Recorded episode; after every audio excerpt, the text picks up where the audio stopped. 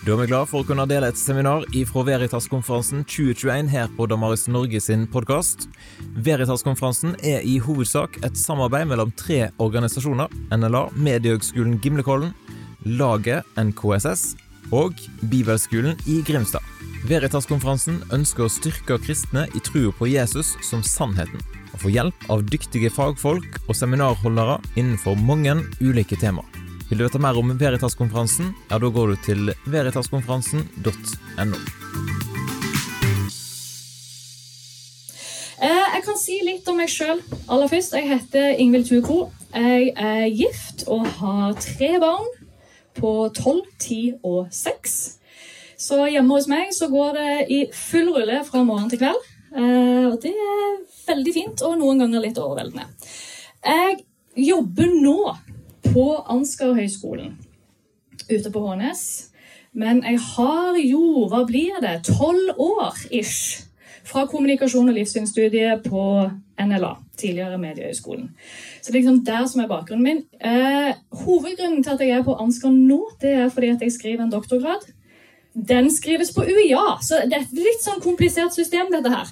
Eh, men det jeg da skriver om, bare for å ha sagt det i tillegg, det er at jeg skriver om bruk av film i konfirmasjonsundervisning. Og så er jeg nysgjerrig på hva gjør film med konfirmasjonsundervisningen, og hva gjør konfirmasjonsundervisningen med forståelsen av film? Og så en del sånne Skal ikke komplisere det for mye. Men eh, jeg er veldig opptatt av dette møtepunktet mellom populærkultur, filmene, TV-seriene, de sosiale mediene, alt det som omgir oss hver eneste dag, og det vi tror på.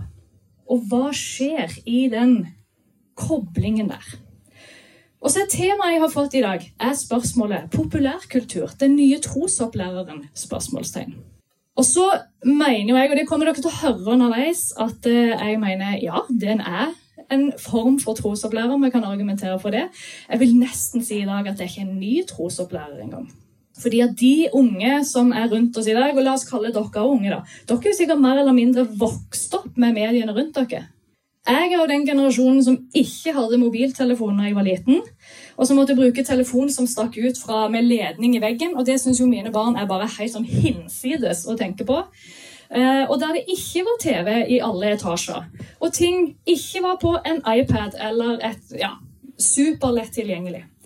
Men dere vil jeg tro er mer vokst opp i det man kaller en mediegenerasjon. Eller kanskje dere til og med er de vi kaller de digitalt innfødte.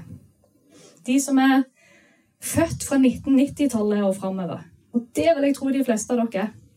Jeg syns fortsatt det er rart å ha studenter som er født langt ut på 2000-tallet. Ikke langt utpå, men begynnelsen av 2000-tallet. Så dere er jo virkelig noen av de. Og så skal jeg snakke om trosopplæring da, i møte med populærkultur. Og jeg kunne hatt en sånn spørreundersøkelse rundt her, men vi skal ikke gjøre det, for det tar litt sånn tid. Men jeg vil tippe at de fleste av dere, når vi hører ordet trosopplæring, da er vi fort i en sånn kirke-menighetssammenheng. Er vi ikke det? Ikke sant? Vi tenker fort at det er kirke og menigheter som driver med trosopplæring. Hovedsakelig. Og så vil jo mitt argument være ja, det gjør de, og det skal de. Og de driver en veldig målretta trosopplæring. Eh, så de vil jo være det vi da kan kalle en sånn De driver med en formell trosopplæring. Og de blitt, de er gitt et oppdrag, og de har tatt et oppdrag om at vi ønsker å lære opp, gi videre til de barn og unge som kommer her hos oss. Men så er det sånn at hvis vi skal snakke litt faglig, så fins det noe som vi kan kalle formelle trosopplærere. Men så fins det òg de vi kan kalle uformelle trosopplærere. Er det noen som kan liksom bare skyte ut veldig kjapt noen former for uformelle trosopplærere? Hvem vil det være? Ingen. Mediene, og det ligger litt sånn uh, implisitt, eller ganske tydelig, uh, akkurat inn i dette seminaret. Det gjør jo det. Men hva med vennegjengen? Eller den der ungdomsgruppa? Eller familien som du er en del av? Så fins det et vell av ulike arenaer som en kan kalle mer uformelle trosopplærere. Og jeg tror, tror, jo på mange måter at ofte så kan de være vel så viktige. Og hvis vi tenker i tidsperspektiv, for det er jo vel så mye de en bruker tid sammen med, enn akkurat de som er mer formelle trosopplærerne i kirke og menighet. Der er vi kanskje hver tirsdag eller torsdag hver kveld, en og en halv time. og får undervisning i et eller annet, eller på en søndags formiddag. Er ganske mange flere timer i løpet av ei uke der vi treffer disse mer uformelle trosopplærerne på et eller annet vis. Så det, Poenget mitt er litt at det er her vi er vant med å tenke at trosopplæring skjer. Men kanskje kan vi si at det skjer vel så mye her. Eh, mye av livet deres, og jeg skal innrømme mitt, og ikke minst mine barn, barn og unge generelt, leves i og gjennom mediene i dag, og også populærkulturen. Uh, og så skal vi komme til at populærkulturen den driver jo da og formidler noe når det kommer til tro, på ulikt vis. Og ulike former for tro. Og hva tro er, og hva tro innebærer, osv., osv. Så, så jeg har lyst til å begynne med å ta dere med til en religionsfysiolog som jeg veldig, jeg liker veldig godt, selv om jeg aldri har truffet. Men jeg liker i hvert fall mye av det hun skriver. Mia Løvheim er svensk religionssosiolog, og hun har sagt allerede i 2012 at kontakt med tradisjonelle arenaer for religiøs sosialisering Og når jeg snakker om religiøs sosialisering, i denne sammenhengen så bruker vi da begrepet trosopplæring.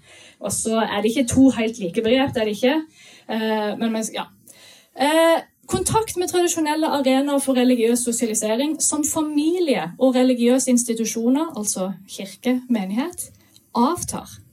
Mens nye arenaer som medie og skole blir mer betydningsfulle. Hun sier altså at betydningen kirke, menighet og familie får mindre å bety når det kommer til de valg barn og unge tar rundt hva de skal tro på, og hvorfor de skal tro på det. Det får mindre betydning, mens medie og skole blir viktigere og viktigere. Og så kunne vi gått inn på KRLE-fag i skolen. og sånn. Det skal vi ikke i denne sammenheng. Her er det mediene og populærkulturen vi skal snakke mest om. Så sier hun igjen en, eh, videre at mediene er nå blitt en hyppigere arena enn familie og kirke for kontakt med religiøse verdier. Det er der, i mediene blant annet, at unge møter uttrykk for religion og religiøs tro oftere. Og så er det noen, kanskje noen som sitter og tenker Hæ? Nei, det hørtes rart ut. Da har jeg lyst til å utfordre deg at neste gang du ser film, og etter liksom, dette seminaret jeg har forklart det litt mer hva jeg mener med det, prøv å legge merke til i filmene og TV-seriene du ser. Hva slags uttrykk? Er det noen uttrykk her? Prøv å skru på de der brillene. Uh, og se med et litt mer bevisst blikk hva er det egentlig som formidles. For Hvis vi snakker om trosopplæring, og jeg skal argumentere for at mediene er en trosopplærer, så har vi lett for å tenke at da må jeg se etter sånne spesifikke Det som blir sagt om Gud og Jesus, uh, evig liv, døden, et eller annet sånn veldig jeg vet ikke hvor jeg skal bruke. Kristent, kan vi si det? Dere henger med på hva jeg mener? Veldig sånn tydelig uttrykk for teologi, på et vis. Og det er det en god del filmer og TV-serier som faktisk gjør. Det er jo det. Eh, blant annet The Big Bang Theory, som jeg skal komme til litt seinere. Men når jeg snakker om at mediene driver trosopplæring, så må vi kanskje utvide begreper. Altså, dette er kommunikasjon- og livssynsstudiet som jeg jobber på. Der snakker vi mye om livssyn. Har dere hørt det begrepet? Og at et livssyn kan være både religiøst og sekulært.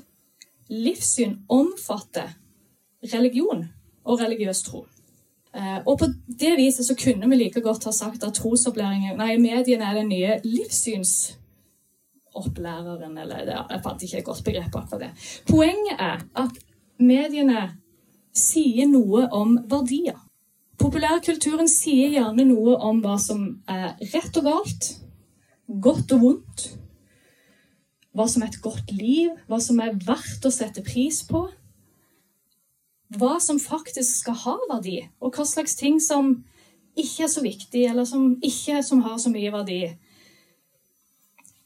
Verdier generelt. Og så sier mediene noe om menneskesyn. Igjen, man må se under overflaten og se hva som egentlig ble sagt. Men i ganske mange filmer og TV-serier, i musikk ikke minst, så kan det sies noe om hva et menneske er. Og det kan sies noe om har et menneske verdi i seg sjøl, eller må mennesket skape sin egen verdi? Er mennesket en del av naturen og egentlig bare et eh, høyere utvikla dyr? Eller er det noe mer enn det? Hva er mennesket til for? Og ikke minst det store spørsmålet er mennesket skapt? Eller er mennesket et resultat av utvikling? Så er det mange, mange forståelser selvfølgelig inn under det. Og ikke minst, om vi kommer til ett klipp særlig som jeg skal prøve å illustrere det, det sies noe om virkeligheten. Hvordan vi forstår virkeligheten. Hvordan virkeligheten egentlig er satt sammen. For eksempel hele universet. En god del filmer og TV-serier kan si noe om er dette universet som vi lever i, er det alt som fins? Eller fins det noe mer utenfor det? Da er jo spørsmålet lever vi i et sånn lukka system, eller lever vi i et åpent univers der det er noe utenfor universet som kan gripe inn i vårt univers? Og nå tenker dere fort Gud, men det finnes mange forskjellige livssyn der, og noe kan finnes utenfor vårt univers som ikke nødvendigvis er den kristne Gud vi tenker på, men også andre former for krefter. Jeg kan dele med dere, jeg har vært på en sånn, jeg observerer konfirmasjonsundervisning i dette her eh, prosjektet mitt, der de bruker film. Og da ble Harry Potter 1-filmen begynt. Eh, brukt, mener jeg. og da var samtalen etterpå gikk Hva slags univers er det Harry Potter egentlig formidler? Og så kommer jo konfirmanten etter hvert med ja, men her fins det magi. Det skjer ting. Hvor kommer magien ifra? Nei, det kan vi jo kanskje ikke vite. Men, men så ender de liksom med å reflektere rundt det. Men, men, man får jo inntrykk av at det, det fins noe mer. Altså, Denne magien kan gjøre noe i vår virkelighet. I vår verden. Og så tar trosopplæreren de videre inn med å si ja, men hva med liksom de, Alle kjenner litt sånn Harry Potter-universet. Ja, Hvis ikke så henger dere sånn halvveis med. Eh, hva er forskjellen på Gompe-universet og Harry Potter sitt univers på Galtvort. I den ene er magien til stede, i den andre er den ikke. Nå var det feil hånd. Eh, som da vil sende noen signaler om at her har vi både et uttrykk for et lukka univers og et for, uttrykk for et åpent univers. Så sies det plutselig noe om forståelsen av virkelighet. Og Harry Potter sies det ganske mye av om et menneskesyn. Om menneskets verdi, om kreftene og evnene som bor i oss, osv., osv. Så, så, er det jo interessant, da. Hvordan forholder det f.eks. Harry Potter-film igjen, hvordan forholder alt det som blir formidla der, hvordan forholder det seg til kristentro? Til det Bibelen sier? Og hvilke uttrykk er det vi, men også ungdommene, hører mest på? Og så tenker jeg hører på, jeg hører jo ikke på. Ubevisst så vil jeg argumentere sterkt for at jo da, vi hører på. Og så er det noe med at bl.a. disse verdiene og holdningene og virkelighetsforståelsen som formidles i Harry Potter, det formidles ikke bare i Harry Potter. Det formidles igjen og igjen og igjen og igjen i et vell av ulike filmer. Sånn at det er ganske lett etter hvert å få den tanken sjøl om at ja, men det må finnes noe mer. Og så, så blir man jo bevisst eller ubevisst påvirka av det man ser på. Disse, denne boka her, det folk vil ha, de sa Og her har jeg gjort om litt på eh, Tillatt meg å gjøre om litt på sitatet, fordi at dette sitatet kommer før det 21. århundre. Så de sa at vi kommer til å se. Og så har jeg gjort om om på det og sagt at når vi ser tilbake på det første tiåret av det 21. århundre, altså fram til 2010, og så, så, ser vi at religion har spilt en av hovedrollene i norsk og vestlig populærkultur. Vi ser at vi akkurat nå omgir oss med et populærkulturelt univers der de religiøse referansene myldrer. Så til og med i forskningen så sier man det veldig tydelig at religion, religiøs tro, hva man tror på, hva som er sant i forhold til universet og menneskene, det sier også populærkulturen noe om. Ikke bare teologien som sier noe om det. De har tre teorier da på hvordan det blir sagt noe om dette. For det første så snakker de om fortrylling. Det er jo et veldig sånn fancy begrep. Det de mener med det, er at religiøse symbol eller handling som på et eller annet vis er knytta til religion, det flettes inn i disse fortellingene i populærkulturen, i filmene og TV-seriene. Og så sier de at over tid så vil det gjøre noe med hvordan de som ser filmene og TV-seriene, hvordan de oppfatter religion, og hva religion og religiøs tro er. Sånn at religion, uttrykk for religion og symbolet kan få et sånn fortryllende element, som de kaller det, inn i filmene og TV-seriene. Og så snakker de om at disse uttrykkene også er med på å alminneliggjøre. Og Hadde vi tatt et sånt langt historisk perspektiv her, trenger ikke være så veldig langt heller, men en del tiår, så er det litt sånn i dag at det som tidligere ble sett på som veldig alternativ religiøsitet, det er i dag mye mer alminneliggjort, det er akseptert, og nesten ikke stilt spørsmålstegn med. Og disse hevder jo at det har populærkultur vært med å bidra til.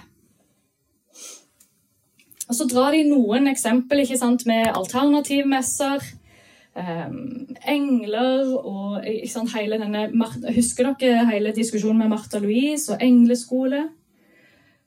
Ja, så er det en del sånne uttrykk for det. da. Og så snakker de også om at religion medialiseres.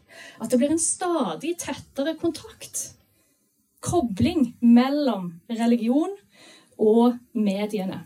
Både med at religion sjøl bruker mediene til formidling, så det er én side av medialisering. Men òg at mediene i seg sjøl er med på å presentere hva religion er, og faktisk òg er med å konstruere hva religion og religiøs tro er. Altså dette med at De kan være med og de bidrar til å endre menneskets forståelse av hva religion, religion og religiøs tro er, og hva det innebærer. Og Det kan f.eks. være med helt konkret være med å endre og påvirke oppfattelsen av hva kristen tro er. Hva det innebærer å være en kristen. Hva kjernen i kristen tro egentlig er. Og Her er noen eksempel. Da går vi først til barneverdenen. Og her, altså, Jeg kunne hatt slide på slide med bildet, egentlig. Så dette er et lite utklipp. Og siden meg og Margen som sitter bak der, som skal ha seminar senere, er utrolig glad i Disney, så må jo Disney eh, være med en god del. Men det er noe av med animasjonen, faktisk. Disney og Pixar. Som faktisk òg gjør dette veldig bevisst. Eh, Coco, for eksempel. Den ble faktisk lagd fordi at Disney ønska å nå ut til den latinobefolkningen i USA. Hva skal vi da ta utgangspunkt i? Jo, vi tar utgangspunkt i noe som latinobefolkningen tror på, som de er opptatt av. Da tar vi utgangspunkt i festen av de døde. Og Hvis du ser Coco, så er det masse der. Om mennesket, om død, om hva som skjer etter døden. Om virkelighet. Kan man ha kontakt med døde? Etter at folk, altså Fra vår verden og til de dødes verden, osv. Det er jo uttrykk for religion. Det er jo uttrykk for tro, på et vis. Og mine barn har sittet og sett den filmen. Og så kjente jeg etterpå at dette må vi ha en prat om. Nå må vi snakke litt om hva det egentlig som formidles her. Hvordan forholder dette seg til kristen tro? Så tror jeg noen ganger, bare for å ha sagt det, og det tror jeg ofte vi har lett for å gjøre og tenke når det er i møte med barn. For barn suger til seg informasjon. Og liksom, alt de ser på, de er så lett påvirkelige. Så de må vi snakke med. Men hva med oss, da? Er ikke vi lett påvirkelige? Kanskje kan man argumentere for litt mindre, men, men jeg skal glatt innrømme at det kan være lett påvirkelig. Særlig på det der ubevisste planet, når jeg ikke tenker over hva jeg ser på. Hvorfor jeg ser på det. Faktisk er det jo noe med å tenke igjennom. Hvis du ser en film og syns at den var kjempebra, eller noen ganger så kan vi komme ut og si at den traff noe i meg. Hvorfor gjorde det? Hva var det som traff meg? Hvorfor var den veldig bra? Og prøve å tenke litt rundt det. Og veldig ofte, så, sånn som i alle disse filmene, så er det jo dette med det koblingen Det er mye dette med hvordan virkeligheten henger sammen. Koblingen mellom ulike virkelighetsforståelser. Og gjerne at man på et eller annet vis kan ha kontakt med noe utenfor vår verden. Som et signal på ja, men da må det jo finnes noe mer. Er det mange av dere som har sett Sjel? Soul? Ja. Som igjen sier noe om døden og hvor skal vi etterpå, men som faktisk også sier noe om hva er før livet? Hvor kommer vi fra? Der vi liksom møter disse små, blå greiene som venter på å komme til en kropp på jorda og starte livet. Og så snakkes det om meningen med livet. Gnisten. Hva er egentlig meningen med livet? Og er det noe vi må skape, eller er det noe vi er gitt? Og Så kan vi gå mer videre til vår verden. Og Her òg kunne det være et vell av ulike. Og Noen av disse filmene har uttrykk for religion og religiøs tro på et eller annet vis til stede i seg, mens noen av dem faktisk helt direkte handler om det, sånn som disko. Som på mange måter er en ganske tydelig religionskritikk av kristen tro. Mange av dere som har sett det nå? Ja. Anbefaler å se den, selv om han røsker litt. Det må jeg innrømme. Den røsker skikkelig. Men den er verdt å se, bare for å være klar over at det òg er et syn mange i vår tid har på kristen tro. Og når det kommer en film på kino om det i tillegg, så bekrefter det jo de oppfatningene de har om kristen tro. Og dermed så tror jeg det er med på å påvirke holdningene til kristen tro i vår tid. Den upersonlige sosialiseringen, den uformelle sosialiseringen, og ikke minst den ubevisste sosialiseringen, som skjer allerede i barndoms- og ungdomsårene, men som jeg vil argumentere for absolutt ikke stopper der. Det fortsetter. For alltid, egentlig. De formidler normer og verdier, og de sier noe om hvordan vi bør oppføre oss. Så er jo da mitt argument at til syvende og sist så sier de faktisk noe om hva som er sant og godt og rett og viktig. Og dermed også sier de kanskje noe til slutt om hva vi bør tro på og hvorfor. Og Med tanke på medienes eh, tilstedeværelse i vår tid, så er det ganske utfordrende at eh, amerikanske Barna Group sier at et barns, eller livssynene våre de er ganske Det vi tror på, de oppfatningene og holdningene vi har, de sitter ganske sånn fast. De er ganske forma allerede fra 13-årsalderen at etter det så skal det ganske mye mer til. Det betyr ikke at du ikke kan endre holdninger og tro seinere i livet, men det skal ganske mye mer til. De der grunnleggende byggesteinene våre legges tidlig på hva vi skal tro på. Og faktisk er det jo noen som har sagt det så sterkt at allerede fra seksårsalderen så er de største grunnleggende byggesteinene lagt der. Og nå er ikke dere foreldre ennå, men det er jeg. Men det er en ganske sånn tydelig utfordring til meg om hva slags perspektiv og holdninger og syn er det mine barn får med seg. Og for å være helt ærlig, Nå får dere meg personlig her, men mine barn sitter mer foran en skjerm enn de gjør foran pastoren i menigheten. Eller ungdomslederen. De gjør det. De har ganske mange flere timer påvirkning fra mediene enn de har fra kirka. Det er for meg en utfordring når mediene sier så mye om disse tingene som de gjør. For de kan fort få en ganske tydeligere stemme enn særlig kirka. Og så er det noe med utfordring til meg som forelder. da. Forhåpentligvis så har jeg fortsatt en ganske tydelig og mulighet til å gi mine barn noe. Jeg håper de hører på det òg. Men nå snakker vi jo da alt som om det fancy ordet som vi kaller religiøs sosialisering. Og En definisjon på religiøs sosialisering det er at det er en interaktiv prosess der sosiale agenter påvirker enkeltpersoners religiøse tro og forståelse. Nå var dere plutselig med meg inn i forelesningen på skolen. Det er fint. Vi skal ha litt tyngde òg. Men det sies at religiøs sosialisering den er interaktiv. Det betyr at den skjer imellom, i sammenheng. Mellom mennesker, men også mellom mennesket og mediene. Som da påvirker enkeltmennesket. Og så sies det at religiøs sosialisering er en prosess som bidrar til menneskers religiøse preferanser, eller hva de da tror på. Det er en prosess. Det er noe som utvikles over tid. Og hva du da får tilført dette over tid, det vil være med å påvirke og forme det du tror på til slutt. Så det er noen som kaller denne første definisjonen for en kontekstuell påvirkning. At konteksten påvirker deg.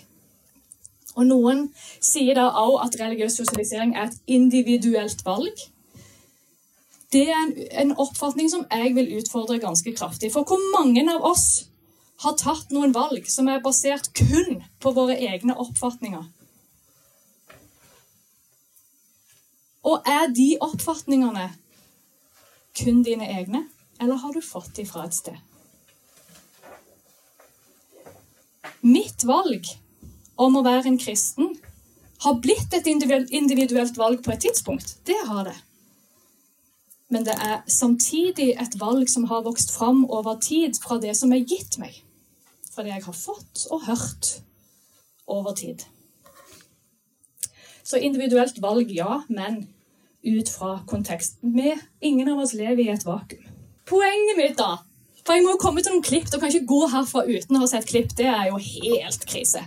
Mediene spiller en svært sentral rolle når det gjelder religiøs sosialisering i vår tid. Og så er det en pastor i USA som heter Hoover. Han sier at «It is through the media that much of contemporary religion and spirituality is known». Som bare bekrefter litt av det samme som jeg har sagt. Sofia Sjø er også eh, svensk religionssosiolog som sier noe av det samme. Men Pirner, italiensk teolog faktisk, han sier at religious socialization in a wide sense, vi kunne sagt livssynssosialisering, has obviously been taken over in part by the media. Og at mediene har en sterk stemme, en sterk påvirkningskraft òg når det gjelder disse tingene. Har mange av dere sett hva jeg gjør nå? Ja. Fin film. Og blir vi ikke dratt inn i universet? Jeg blir det når jeg ser sånne filmer, og jeg er veldig glad i animasjon. Hvis det er noe som kommuniserer tydelig og sterkt, så er det animasjon. Det er estetisk vakkert, det er fantastisk laga. Og vi blir dratt inn i dette universet, og veldig ofte så er det mye musikk og Ja, nei, det er fantastisk. Det er kunst på veldig mange måter. Nå skal dere få møte Vaiana når hun er stranda uh, ute på havet på flåten sin. Og så treffer hun bestemora. Bestemora døde tidligere i filmen, og nå treffer hun henne igjen. Dette sier noe om virkelighet og også mennesker, for så vidt. Så håper jeg dere klarer å høre litt, selv om Nå ser vi hvordan lyden er. Er det musestille?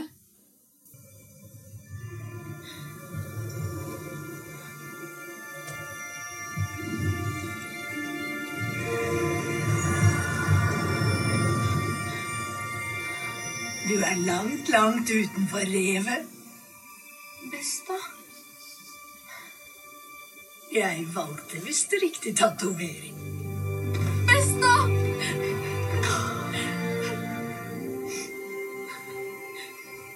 Jeg prøvde, Besta. Jeg Jeg klarte det ikke. Det er ikke din feil. Jeg burde aldri lagt så mye på dine skuldre. Hvis du er klar til å dra hjem, så er jeg med deg.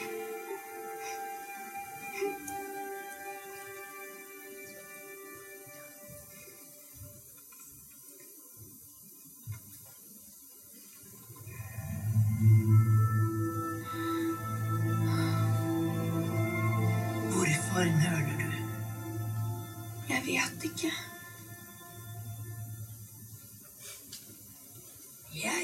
En jente fra øya.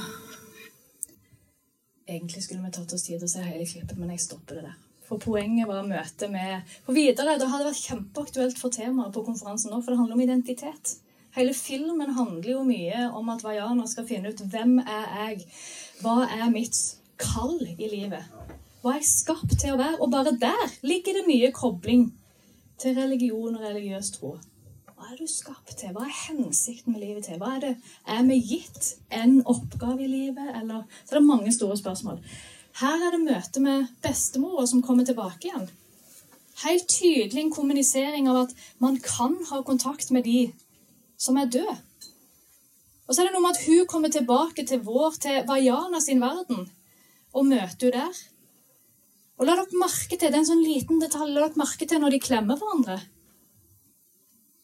Ofte så tenker vi liksom altså det er en fysisk klem, som må bety at bestemora er der fysisk. Hun er ikke bare hun er ikke bare et syn. Da har du gått igjennom henne. Hun har kommet tilbake fysisk. Og Da ligger det noen religiøse forståelser der òg. Av at kan folk komme tilbake igjen til vår verden? Hva er relasjonen mellom vår verden og det hinsidige? Yes. Så Teologen Walt Muller han sier there is a cultural narrative, narrative that is catechizing our kids. Catechizing er faktisk et ord henta fra konfirmasjonsundervisning fra gammelt av. Da ble man opplært i katekismen, og det det betydde, det var repetisjon. For å lære hva kristen tro var, så repeterte og repeterte og repeterte man til man kunne det utenat. Det hevder da Walt Muller at populærkulturen gjør i dag. Populærkulturen gjentar disse budskapene igjen og igjen og igjen, og igjen, og dermed bidrar til å katekisere oss. Til å lære oss opp i tro, på et vis. Og hvordan livet skal leves. Og så formidles da altså, Her står det 'formidle verdier og normer som foreldrene ikke er nødvendigvis er enig i'. Men jeg merker jo noen ganger når jeg sitter og ser film, at hoi, her formidles det noe som ikke jeg nødvendigvis er enig i. Hvordan forholder jeg meg til dette? Og så må jeg være bevisst i forhold til det. Og da er det en utfordring at også hjemme hos oss, og sikkert i deres hjem, så ser det stort sett sånn ut når vi sitter sammen og ser på film. Sitter og ser på hver vår gadget, og så vet vi ikke helt hva de andre ser på, og vi snakker i hvert fall ikke om det som jeg tenker vi burde gjort i mye større grad. Vi må ta Big Bang Theory til slutt. Eh, for de av dere som eh, kjenner meg godt, det er faktisk ikke så mange her, men eh, hvis dere hadde kjent meg godt, så hadde dere visst at jeg er utrolig glad i The Big Bang Theory, og er litt lei meg for at de er ferdige å lage det, men glad for at det fortsatt sendes i reprise. Så han er liksom ikke helt ute ennå, denne her TV-serien. da. Her skal vi møte Howard, som er jøde. Det er et klipp om hvordan han forholder seg til sin religiøse tro, som også er et litt sånn tegn på tingenes tilstand i dag. Og så tror jeg jeg må avslutte etter det. Ja. Hey, sorry this took so long, but you used to work here, you know how it is. Kitchen slammed again? No, I'm a terrible waitress, remember? So is there anything I could do to help you with the move tomorrow? Now that you mention it, I was thinking tomorrow might not be great. What's your excuse this time? No excuse. It's just, you know, I'm Jewish, and technically we're not supposed to drive or carry anything on the Sabbath, so I, this one's on God. It might be a little more convincing if you didn't have a mouthful of bacon cheeseburger. Religion's kind of loosey goosey. Basically, as long as you got your schmeckle clipped and you don't wear a cross, you're good.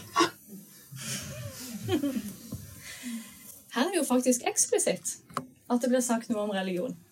Og så tror jeg også at han kommuniserer en holdning som veldig mange i vår tid tenker at religion og religiøs tro skal være. Den skal være litt sånn løs. Den skal ikke påtvinge meg noe. Den skal ikke sette noen sånn ramme for livet mitt, for da er den kvelende. Men hvis den kan være aktuell og relevant på de områdene av livet og de gangene det er komfortabelt for meg, så er det greit. Men de gangene det ikke er det, da gjelder han ikke så mye. Men det var veldig komfortabelt for Howard å si at han var jøde akkurat i denne situasjonen. Hvis du kjenner TV-serien, så er han ikke spesielt opptatt av å være jøde i resten av TV-serien. Og her spiser han jo også en uh, cheeseburger med bacon på, og det Ja, da har han motsatt seg sjøl i Men det er også interessant. For å forstå humoren så må man ha kjennskap til religion. Her. Og så er det jo også sånn at uh, i The Big Bang Theory vi kunne hatt et eget foredrag om koblingen religion og naturvitenskap. Ut fra The Big Bang Theory, der det formidles veldig tydelig at det er full konflikt. At det er krasj. Det er sjelden, for de av dere som kjenner TV-serien, er veldig tydelig uttrykk for dette. Naturvitenskapelig. All, all sannhet ligger i naturvitenskapen. Alt vi kan vite noe om, ligger i naturvitenskapen så kunne man utfordre hva da med følelser, hva med kjærlighet, hva med alle ting vi ikke kan måle, veie, teste. Og så har du mammaen til Sheldon, som er kristen.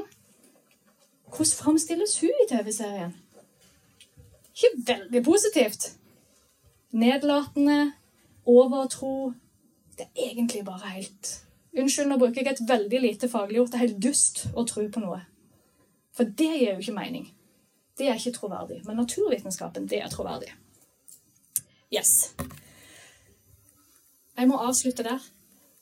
Men det er mange ting som formidles når det kommer til tro og religion i populærkulturen. Og så kan jeg avslutte med å bare vise den. Vi har ikke tid til å se klippet, men det fins også positive uttrykk for religion og religiøs tro i populærkulturen. Det er viktig å ta med seg.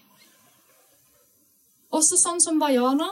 Kanskje kan vi synes at det er utfordrende for vår egen tro, eller for hele konseptet at mediene formidler så mange syn og holdninger på menneske, virkelighet, tro, som går på tvers av det vi tror på.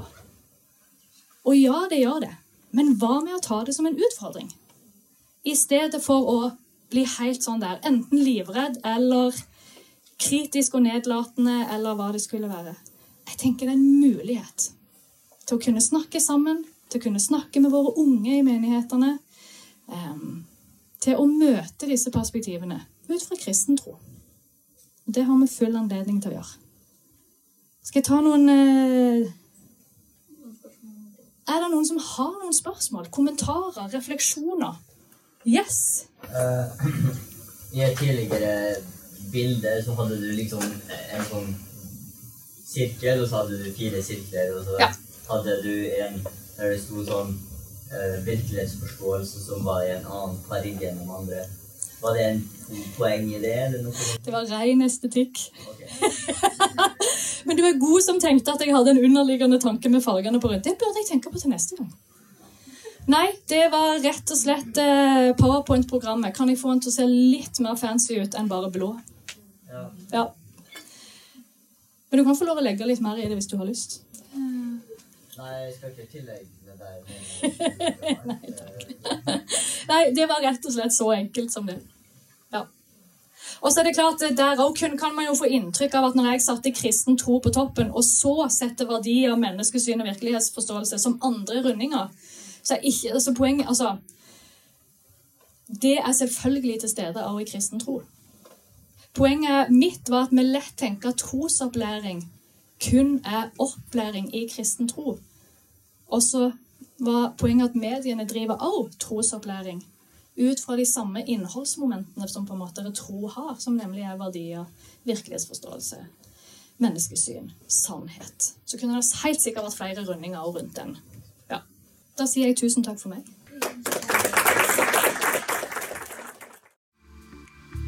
Takk for at du lytta gjennom seminaret. og Skulle du ønske at flere fikk med seg det gode innholdet, ja, da kan du jo faktisk dele seminaret med noen som du tror vil sette pris på det. Husk òg at du har muligheten til å kjøpe bøker via nettbokhandelen på damaris.no. Du vil f.eks. finne bøker skrevet av noen av de som hadde seminar på Veritas-konferansen. Så sjekk ut damaris.no for å kjøpe noen gode bøker. Da ønsker jeg deg en fin dag, og så kommer det snart nye seminar ut på podkasten vår.